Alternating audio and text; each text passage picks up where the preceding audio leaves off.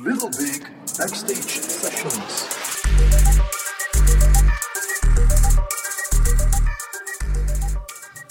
Welkom, ja, luisteraars vanzelfsprekend, in podcast nummer 10 van Little Big and Partners. Ook vandaag weer in het schitterende gezelschap van Tom Raakleers en aan de overkant Hans de Meijer. En zo heb je meteen ook onze Ja. stemmen herkend en weet je ook wie van links en van rechts komt. Tenzij dat we dit monogewijs afmixen, Dat zien we dan nog wel. dat Goed, horen jullie dan eh, later ook wel.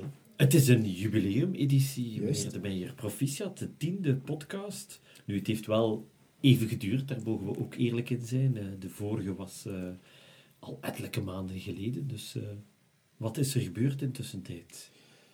Heel veel. eh, dat is ook de reden waarom de nummer 10 een beetje op zich heeft laten wachten. Ehm, aan mijn kant ben ik vooral de laatste maanden meer dan ooit tevoren bezig met eh, hypnose en met de werking van ons brein. En hoe, ik ben nogal gebeten om te weten hoe dingen werken. En ehm, de twee werelden komen eigenlijk perfect samen. De wereld van dingen die je ziet gebeuren, maar die je absoluut niet kan verklaren. En dan die gedrevenheid om toch een, ja, een beetje vat erop te krijgen, wat er in dat hoofdje gebeurt. En dat helpt mij dan in projecten die ik vandaag met een aantal klanten doe, die vooral rond de verandering draaien. En waarom is het zo moeilijk om te veranderen?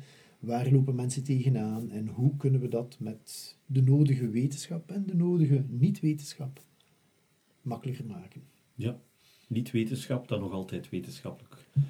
Ja. Ge- ja, laten we zeggen, eh, hoeft het onderbouwd te zijn? Ja, het hoeft onderbouwd te zijn, maar de wetenschap kan het nog niet altijd verklaren. En dat is, dat is op zich een zeer interessante piste en constatatie dat er zaken momenteel zijn dat we niet goed weten hoe ze werken, Ja.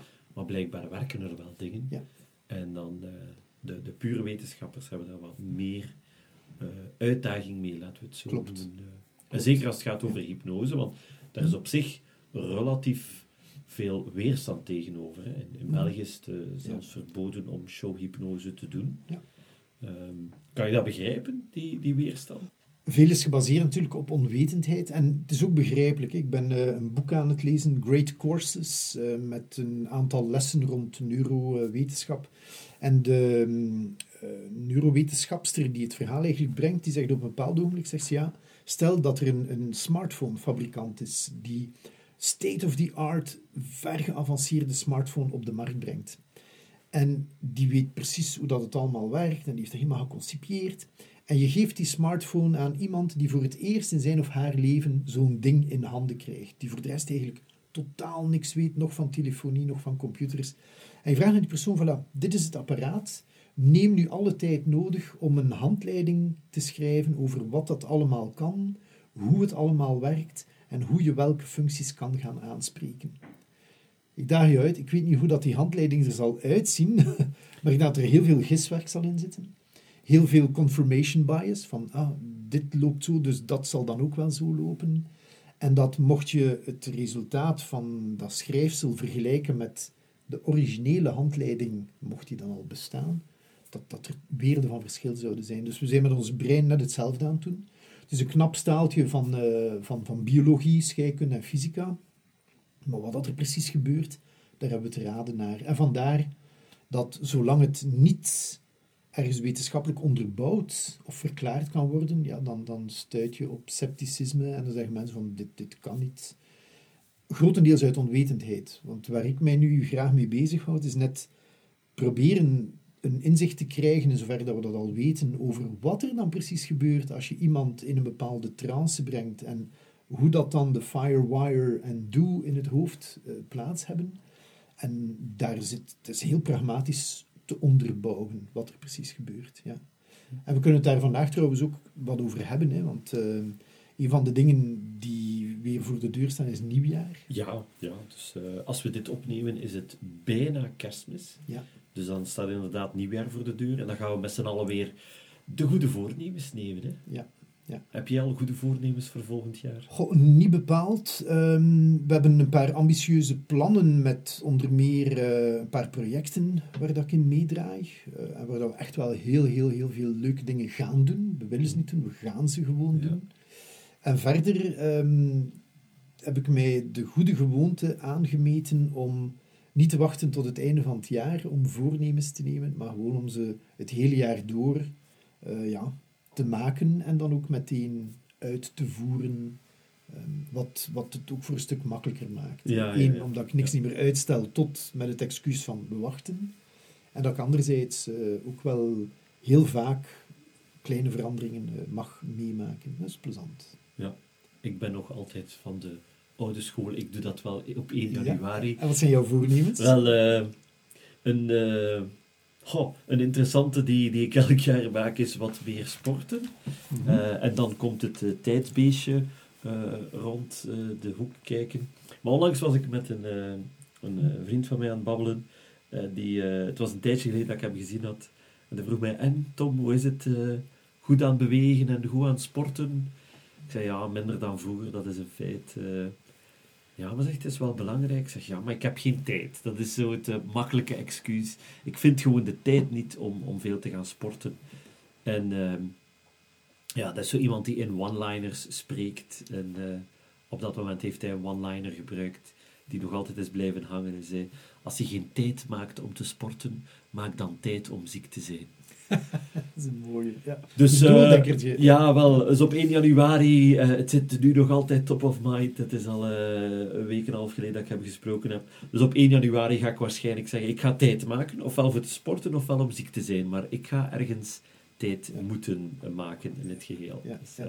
En ik hoor jou zeggen moeten, wat mij een beetje doet veronderstellen, maar dat is dan een geheel persoonlijke invulling, dat er ergens een rationele beweegreden achter zit waarom jij vindt dat je dat moet doen. Klopt dat? Ja, wel, we hebben het er al veel over gehad. We zijn hier bijna een therapiesessie aan het Ja. hè, meneer De Meijer. En we hebben het er al veel over gehad van, van waar komt die actie juist en hoe komt dat actie zo moeilijk is. Eh, ik denk in de podcast een jaar geleden hebben we het er ook over gehad, over voornemens en, eh, en dat je actie hebt. En daar zit een rationeel component aan, maar daar zit vooral een emotionele component aan.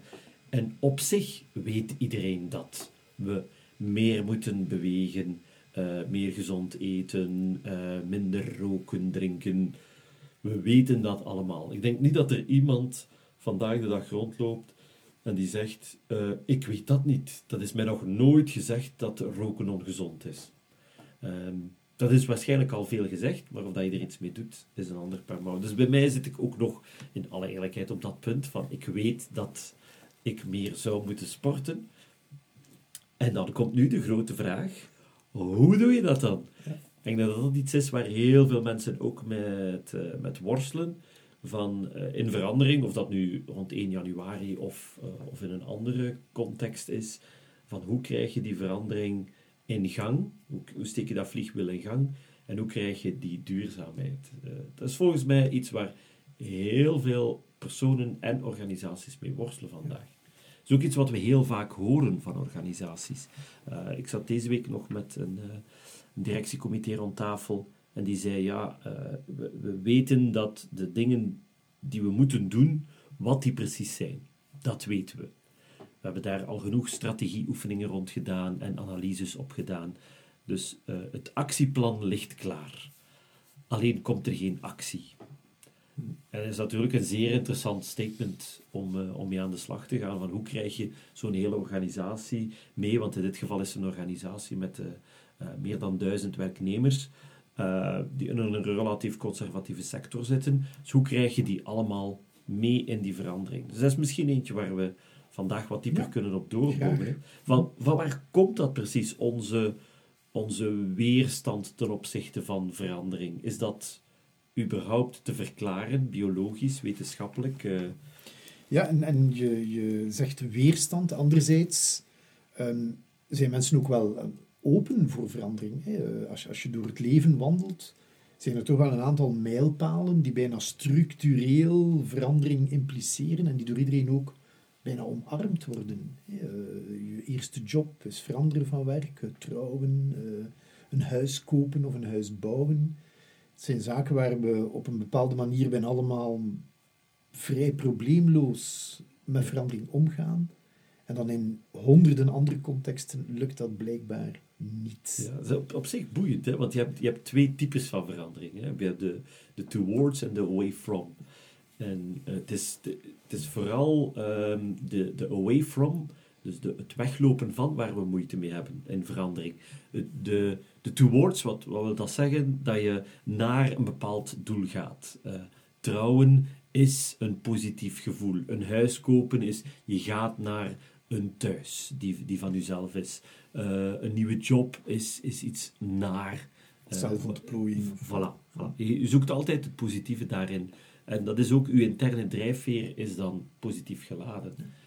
Derde away from is, je loopt weg van iets. En dan wordt het moeilijker, omdat je dan heel de tijd die afweging zit te maken tussen, ja, maar wat laat ik achter? Eh, hoe komt het dat, eh, dat we zo worstelen met bijvoorbeeld het verbreken van een toxische relatie?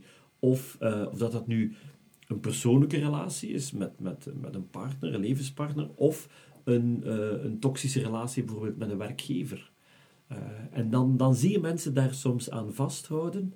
Van ja, ik, ik weet dat het toxisch is, maar toch ga ik er niks aan veranderen. Dat is zeer bizar dat we met die away from, dat we daar als mens heel hard mee worstelen om dat dan toch doorgedrukt te krijgen. Het eh, interessant inderdaad. En ik denk dat ondertussen de mensen die nu aan het luisteren zijn ook al wel wat voorbeelden voor ogen zien komen van eh, persoonlijke veranderingen die je meegemaakt hebt in, in eh, jullie levens, waarvan dat je zei van dit ging vlot, en andere waar dat je misschien nog niet aan toe bent en waarvan dat je voelt hoe moeilijk het eigenlijk is.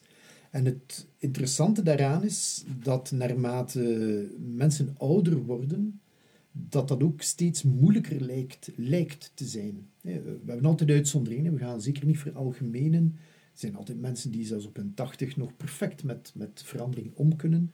Maar het gros van de mensheid, daar zien we dat, dat het moeilijker wordt. Terwijl kinderen, en zeker tussen 0 en 7, hè, als jullie zelf eens allemaal teruggaan naar die periode, mentaal, en je kijkt eens hoe snel je dingen geleerd hebt, hoe snel je omgaat met verandering. Eerst lig je, dan kruip je, dan wandel je, dan fiets je plots. Eerst kan je niks, dan zeg je me, me, me.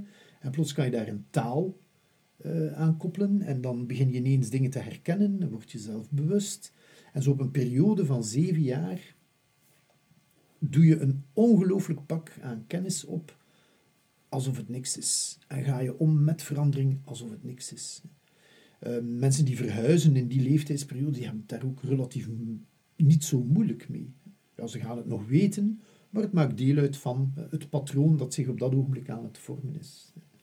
Terwijl als volwassene eh, wordt dat allemaal... Dat is een ander paar vaak. paar Ja, ja.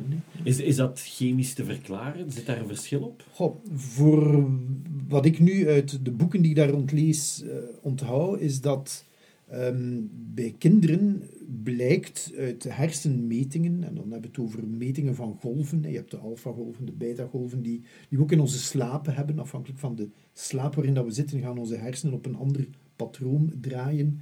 En bij kinderen worden er vooral theta-golven gemeten, en dat zijn nu precies ook de golven die je als volwassene ziet in jouw hersenen wanneer dat je voor in een bepaalde trance bent. Bij meditatie of bij hypnose of dat soort dingen. Nu, het leuke ervan is dat bij kinderen zouden we dus eigenlijk, als het heel kort door de bocht trekken, kunnen stellen dat die zeven jaar lang in een soort hypnose leven. En wat is leuk, dat de suggesties veel makkelijker binnenkomen, veel makkelijker en vlotter leiden tot diepe patronen in het deel van ons brein, dat, dat limbische deel, dat er zo ergens midden achter zit, waarin dat, dat ja, heel veel gewoontes en heel veel manieren die later ons leven echt gaan bepalen, patronen die ons leven echt gaan bepalen, dan verankerd worden.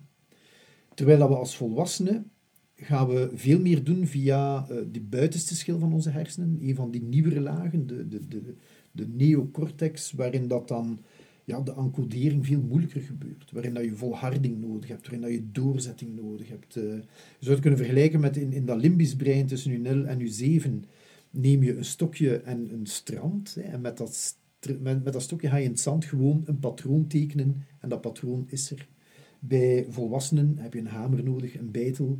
En is dat een harde rots waarin dat je een patroon, het nieuwe patroon van verandering moet gaan houden. En ja, dan, dan moet je volhouden.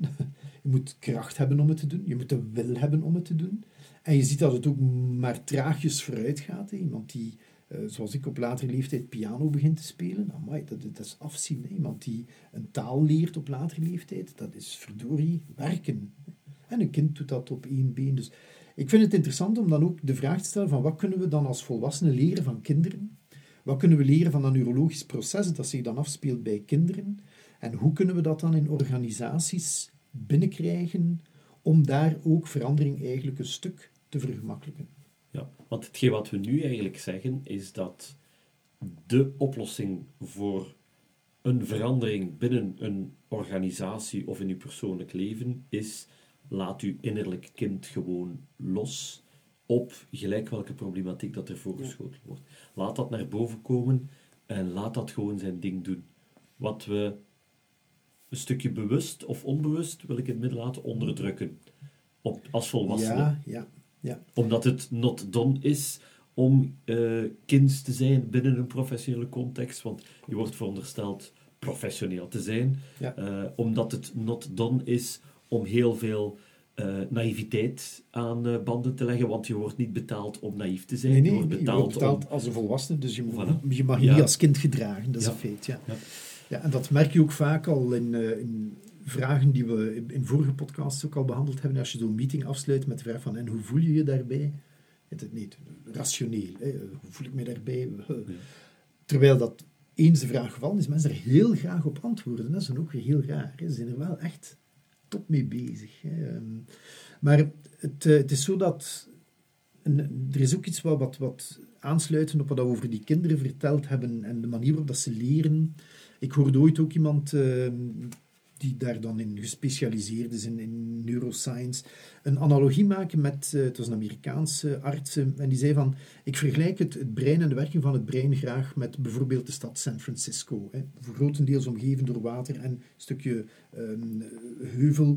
Dus ja, er zitten limieten aan de uitbreiding van die stad.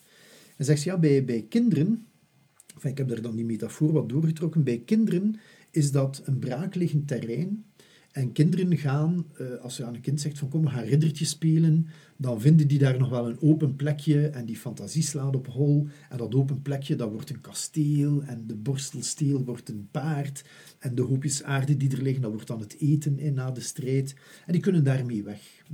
Naarmate dat we volwassener worden, geraken die percelen ingevuld met gebouwen, laten we het zo noemen. En elk gebouw vertegenwoordigt een patroon waarin dat we vervallen. Ehm, Als mijn baas mijn bureau binnenkomt, ja, dan heb ik de neiging om naar het gebouw te gaan van help, hopelijk gebeurt er niks fout. Of, of komt hij niet zagen, of komt hij niet dit of dat. Dus we bouwen heel ons leven lang patronen op die die stad stilletjes aan volzetten. En in, bij kinderen is er nog heel veel braakliggend terrein, bij jongeren ook nog heel vaak. Dus die vinden nog wel de ruimte om nieuwe dingen daarbij te nemen. Naarmate dat we groter worden, ja, wordt die stad, en dan zijn dat eigenlijk onze hersenen, die raakt volbouwd. En als we dan veranderen, ja, één, we vinden bijna nooit nog een stukje braakliggend terrein. Dus wat moeten we doen? We moeten iets oud gaan vervangen door iets nieuws. En als je al je hele leven lang naar aanleiding van een bepaalde eh, stimulus naar een bepaald gebouw gaat en plots zegt iemand in een werkcontext bijvoorbeeld van jongens, vanaf morgen is dat gebouw weg en gaan we naar een ander gebouw, ja, dat wordt moeilijk. Hè? Want, want dat gebouw heeft misschien ook een emotionele waarde, heeft een rationele waarde. En ons brein, lui als het is, vindt dat gemakkelijk. Hè? Van, ah, dat gebeurt, oké, ik weet dat ik daar naartoe moet. Hè? Ik moet een brief posten, nou, ik weet dat ik naar de post moet. Hè? Ik moet mijn boekhouding indienen, nou, ik weet dat ik naar mijn boekhouder moet. Hè? Eh, Als dan plots iemand zegt van, dit gaat veranderen, ja, dat doet wat met een brein. Hè? Dat doet wat met heel de, de neurologie die erachter zit. En dat maakt in mijn beleving verandering ook eigenlijk moeilijk, maar tegelijk ook tastbaar. Ja, want als je er wil uitgeraken, dan moet je, eh, zoals hij zegt, een gebouw afbreken en op de fundamenten een nieuw gebouw zetten. Als we in de Amerikaanse stedenanalogie blijven, wat ze in Seattle eh, al redelijk veel gedaan hebben. Dus de, de nieuwe gebouwen staan op fundamenten van oude gebouwen, omdat ze ook omgeven zijn door een omgeving die, die hellend is, en aan de andere kant de zee, en dan stopt het ooit wel. Dus eh, dat, het, het herbouwen is op zich niet, niet makkelijk, want dat is alsof dat je in een job zit, en op het moment dat je een, voelt van dit is niet meer de juiste job voor mij, dat begint heel langzaam aan te wringen. Dat gaat niet plots met een vingerknip, maar gaat heel langzaam aan. met een lekkende dakgoot, Voilà, een barst in een raam, een deur Ja. die piept, een, eh, ja, iets van Ja. een sluiten, verwarming die uitvalt. Ja. En dan ga je daar eh, bijna persoonlijk in de weerstand, omdat je wel beseft ergens dat, dat het best zou zijn dat je het gebouw afbreekt en een nieuw gebouw zet. Lees dat je je job opgeeft en op zoek gaat naar een nieuwe job. Mhm. Maar het is zo verdomd moeilijk om dat oud gebouw te slopen, wegens emotionele redenen. Ik ga mijn collega's in de steek laten. En ik ga, het gaat moeilijk zijn, ik ga mezelf moeten aanpassen aan Ja. die nieuwe rol. En Ja. En ik heb En- hier al zoveel mooie momenten in dat gebouw meegemaakt en het is eigenlijk toch nog zo slecht niet, Ja. enzovoort, enzovoort. Ja. En dan, eh, dan kan je wel een aantal zaken fixen, want dan, als je dat dan ook naar de oppervlakte laat komen en je gaat bijvoorbeeld met je baas praten over, om even de analogie door te trekken, de lekkende dakgoot en het, eh, de piepende deur, dan zeggen ze, ja, maar we kunnen daar een beetje olie op doen en we zullen de dakgoot maken en, en die krijgt opslag. En dan, dan is dat tijdelijk weer opgelapt, maar de basis van het gebouw Ja. is op zich nog altijd hetzelfde. En in, in veranderingsprocessen, hebben, je hebt er net gesproken over away from and towards, hè, dus weg van iets en naar iets. Als je dan verder in die gebouwen blijft werken en je hebt organisaties waar dat jij ook mee werkt, waar ik ook vaak mee te maken heb, eh, samen met Little Big, ehm, heel vaak wordt er nogal vrij rationeel gezegd van ehm, deze wijk gaat plat en we gaan daar iets nieuws gaan bouwen. Ehm, en mensen blijven vaak zitten met het verwerken van, van verdorie, we hebben hier heel al zoveel jaren in die wijk, in die zone, dat en dat en dat gedaan. En eigenlijk ging dat wel goed. Waarom moeten ze hier nu iets nieuws zetten? Eh, je, zal dat herkennen ook in, in stedenbouw, maar ook, ook in architectuur. Hè. Ehm, gebouwen die echt een emotionele waarde hebben. Waarom dan, dat, dat dan zo is, is vaak gebonden aan ja, waarde die daaraan gekoppeld wordt. En dan wordt dat ineens met de grond gelijk gemaakt en komt er iets nieuws. Maar wordt er heel vaak vergeten om dat nieuwe echt waardevol te maken. Om dat emotioneel waardevoller te maken dan eigenlijk wat er was. En dat dan nog te doen op een manier waardoor dat wat er was niet afgebroken wordt, emotioneel genomen. Je bouwt niks nieuws omdat het oude slecht is of was. Je bouwt iets nieuws omdat het nieuwe meer vermogend zal zijn dan wat het oude eigenlijk eh, betekende. Ja. Dus je geeft aan die nieuwe toestand geef je een emotionele lading. Ja. Hetgeen wat we shiny goals al een paar keer Ja. genoemd hebben. Dus emotionele doelstellingen. Eh, omdat je dan die emotionele geladenheid krijgt. En in Ja. het woord emotie zit ook het woord motie. Of in het Engels motion. In het Engels bekt dat beter. Emotion. Ja. Eh, hoe krijg je iemand in beweging? Via emotie. En, en vaak is die emotie in een professionele context, als daar weinig kader aan gegeven wordt, is die emotie negatief. Want het management heeft beslist om dat gebouw af te breken.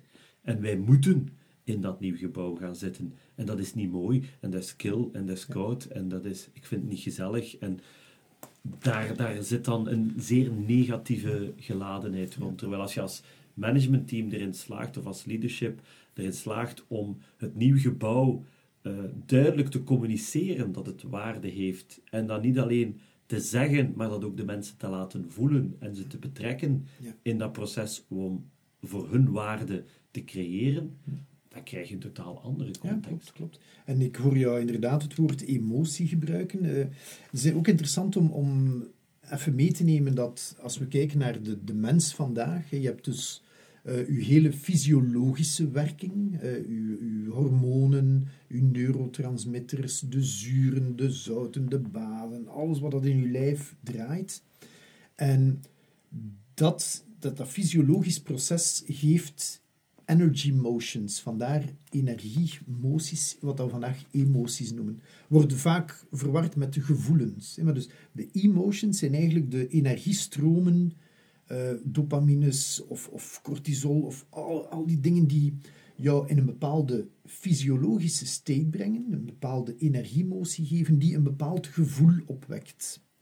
En dat gevoel leidt tot gedachten. En die gedachten laten jou dan doen wat dat je eigenlijk gaat doen. U verzetten, meegaan.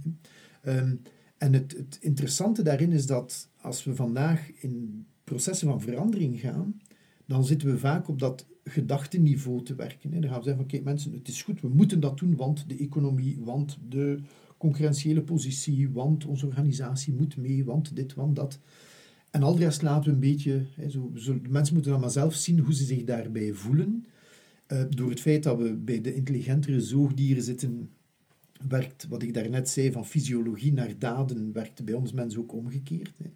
Um, wat dat we denken zal voor het grootste ook bepalen hoe dat we ons voelen. En hoe dat we ons voelen zal een impact hebben op de energiestromen en op de fysiologie.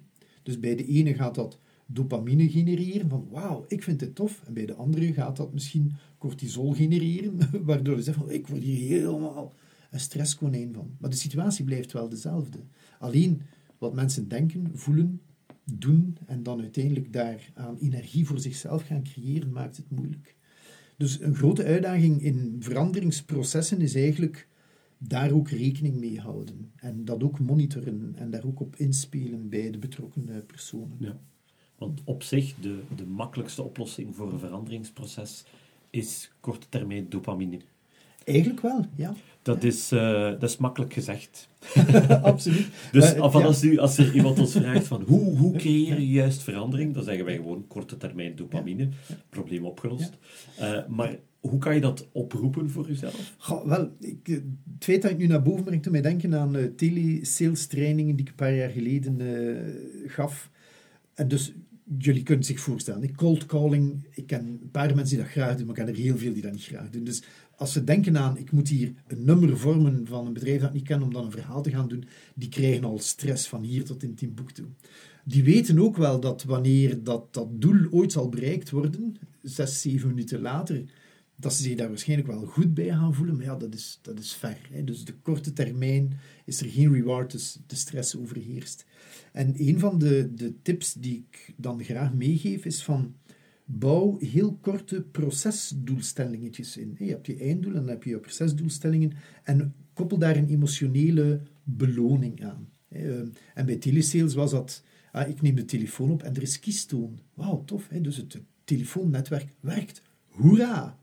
Ik draai het nummer. Oh, ik ken het nummer, tof. En er is een, een kiestoon aan de andere kant. Dus het nummer bestaat. Hoera!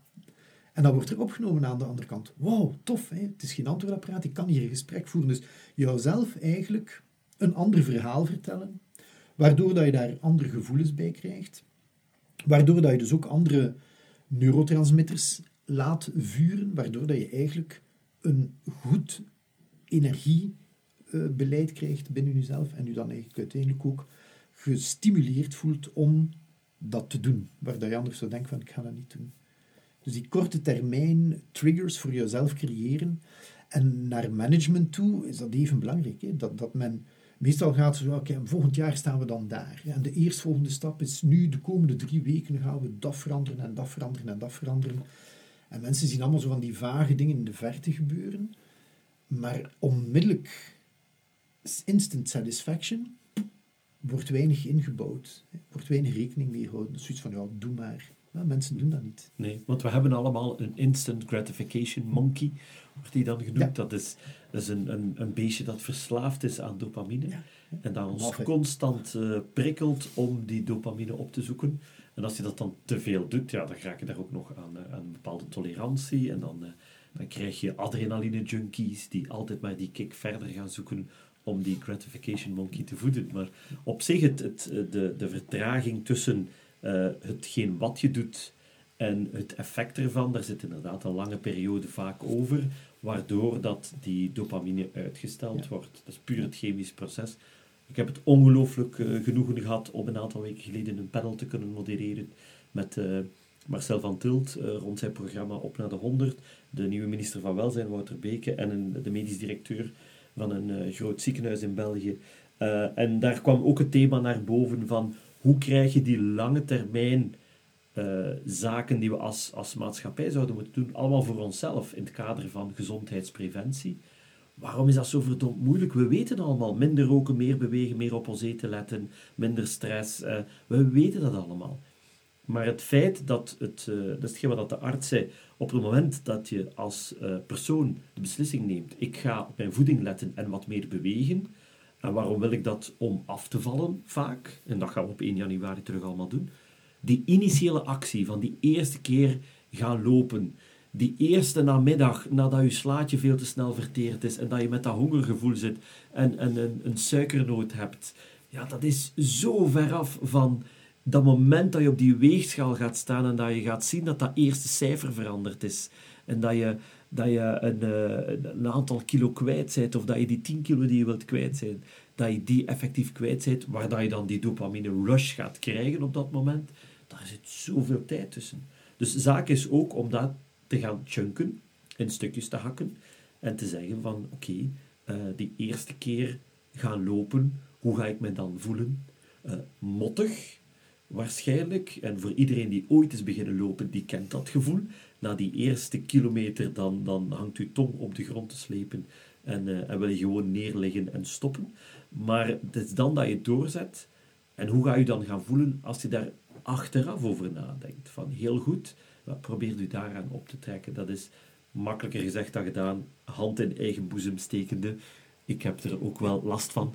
Maar uh, die, die korte termijn dopamine is inderdaad een oplossing. En daar is inderdaad, ja, je kan dat, dat verhaal aan jouzelf vertellen. Hè. Het is ook leuk om te geloven in, het, in iets wat Harari in zijn boek uh, Homo sapiens mooi in het begin als introductie geeft, dat, dat er maar drie fundamentele waarheden zijn in dit leven, dingen die je moeilijk kan weerleggen. Er zijn een aantal fysica-wetten, een aantal scheikundewetten en een aantal biologische wetten die, die nu eenmaal zijn wat ze zijn. En al de rest hebben we sinds 70.000 jaar geleden zelf opgebouwd, zelf verzonnen. Dat betekent ook dat elk verhaal dat we aan onszelf vertellen, is ook maar weer een verhaal dat ons ofwel kan saboteren, of ons kan vermogen, eh, vermogen geven. En deze morgen op, op mijn, een van mijn Facebookpagina's post ik de vermogende vraag zo van welk verhaal vertel jij jezelf vandaag dat je van een ander nooit zou pikken? En zo zijn er wel een paar hoor. Eh, dus verander het verhaal en dan komt daar die dimensie ook terug in van, van maak het ook wat emotioneel.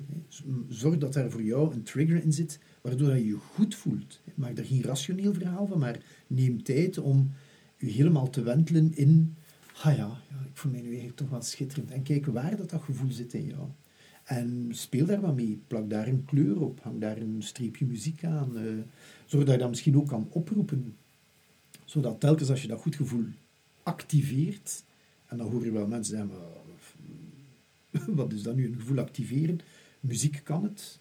Eh, jouw baas kan het misschien. Je bent misschien de hele tijd goed gehumeurd en dan zie je plots jouw baas binnenkomen en dan voel je zo uh, een stress of whatever. Of, of misschien niet, hopelijk. Dus buitenstaanders kunnen jou van het ene moment op het andere in een andere state brengen, een andere emotiestate brengen. Dus als iemand anders dat kan, zou je toch wel een heel laag zelfbeeld moeten hebben als je gelooft dat je dat zelf niet kan.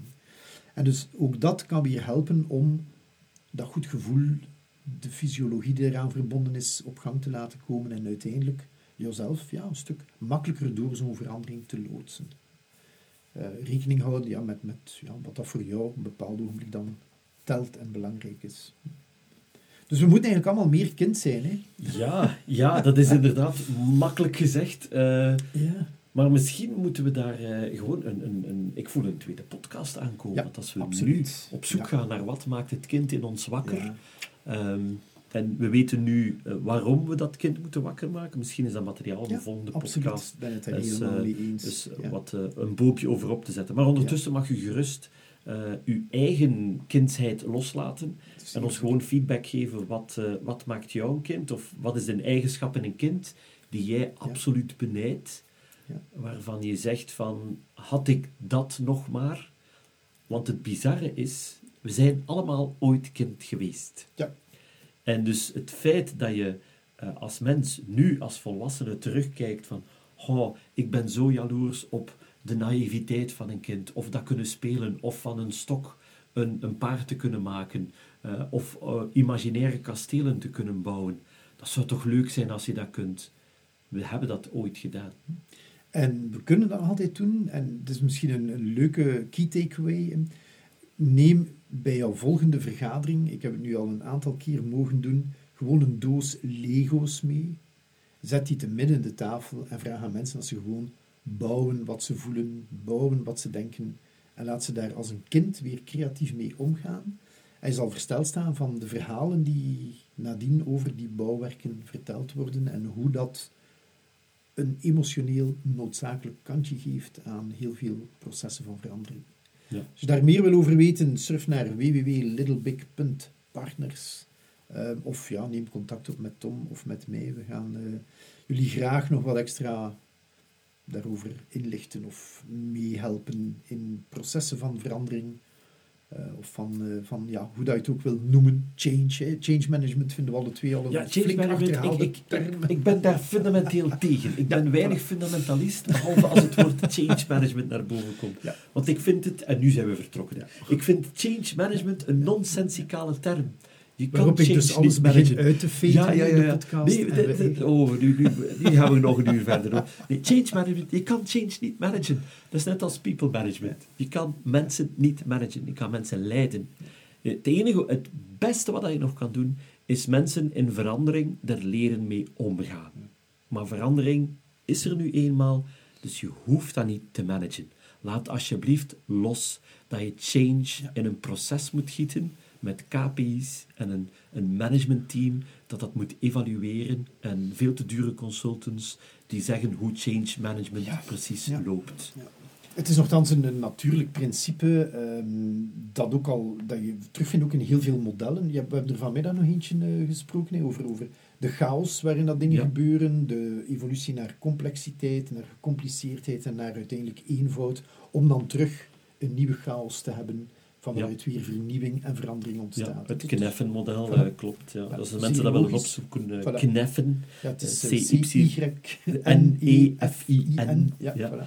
maar uitgesproken kneffen. Kneffen, ja. ja. Het is Ik, een ik, ik gebruik eerder cinefin, maar ik ben ook hier Ja. de Franstalige. Ja, maar de, de Franstaligen inderdaad, of ja. de, de, Ja. de eh, Ja. mensen die het gewoon eh, zouden lezen, die gaan zeggen. Cinefin. Maar je spreekt het uit als Het is een Iers. Dat samen met Ja. nog een aantal andere bronnen waar dat we naar verwezen hebben, zoals de Great Courses, zoals het boek Homo Sapiens, gaan we opnemen in Speakers Notes eh, met nog een paar andere interessante links die jullie alvast in jullie volgende persoonlijke of professionele verandering kunnen inspireren. Bedankt om erbij geweest te zijn. Vragen kun je altijd blijven sturen naar info at littlebig.partners.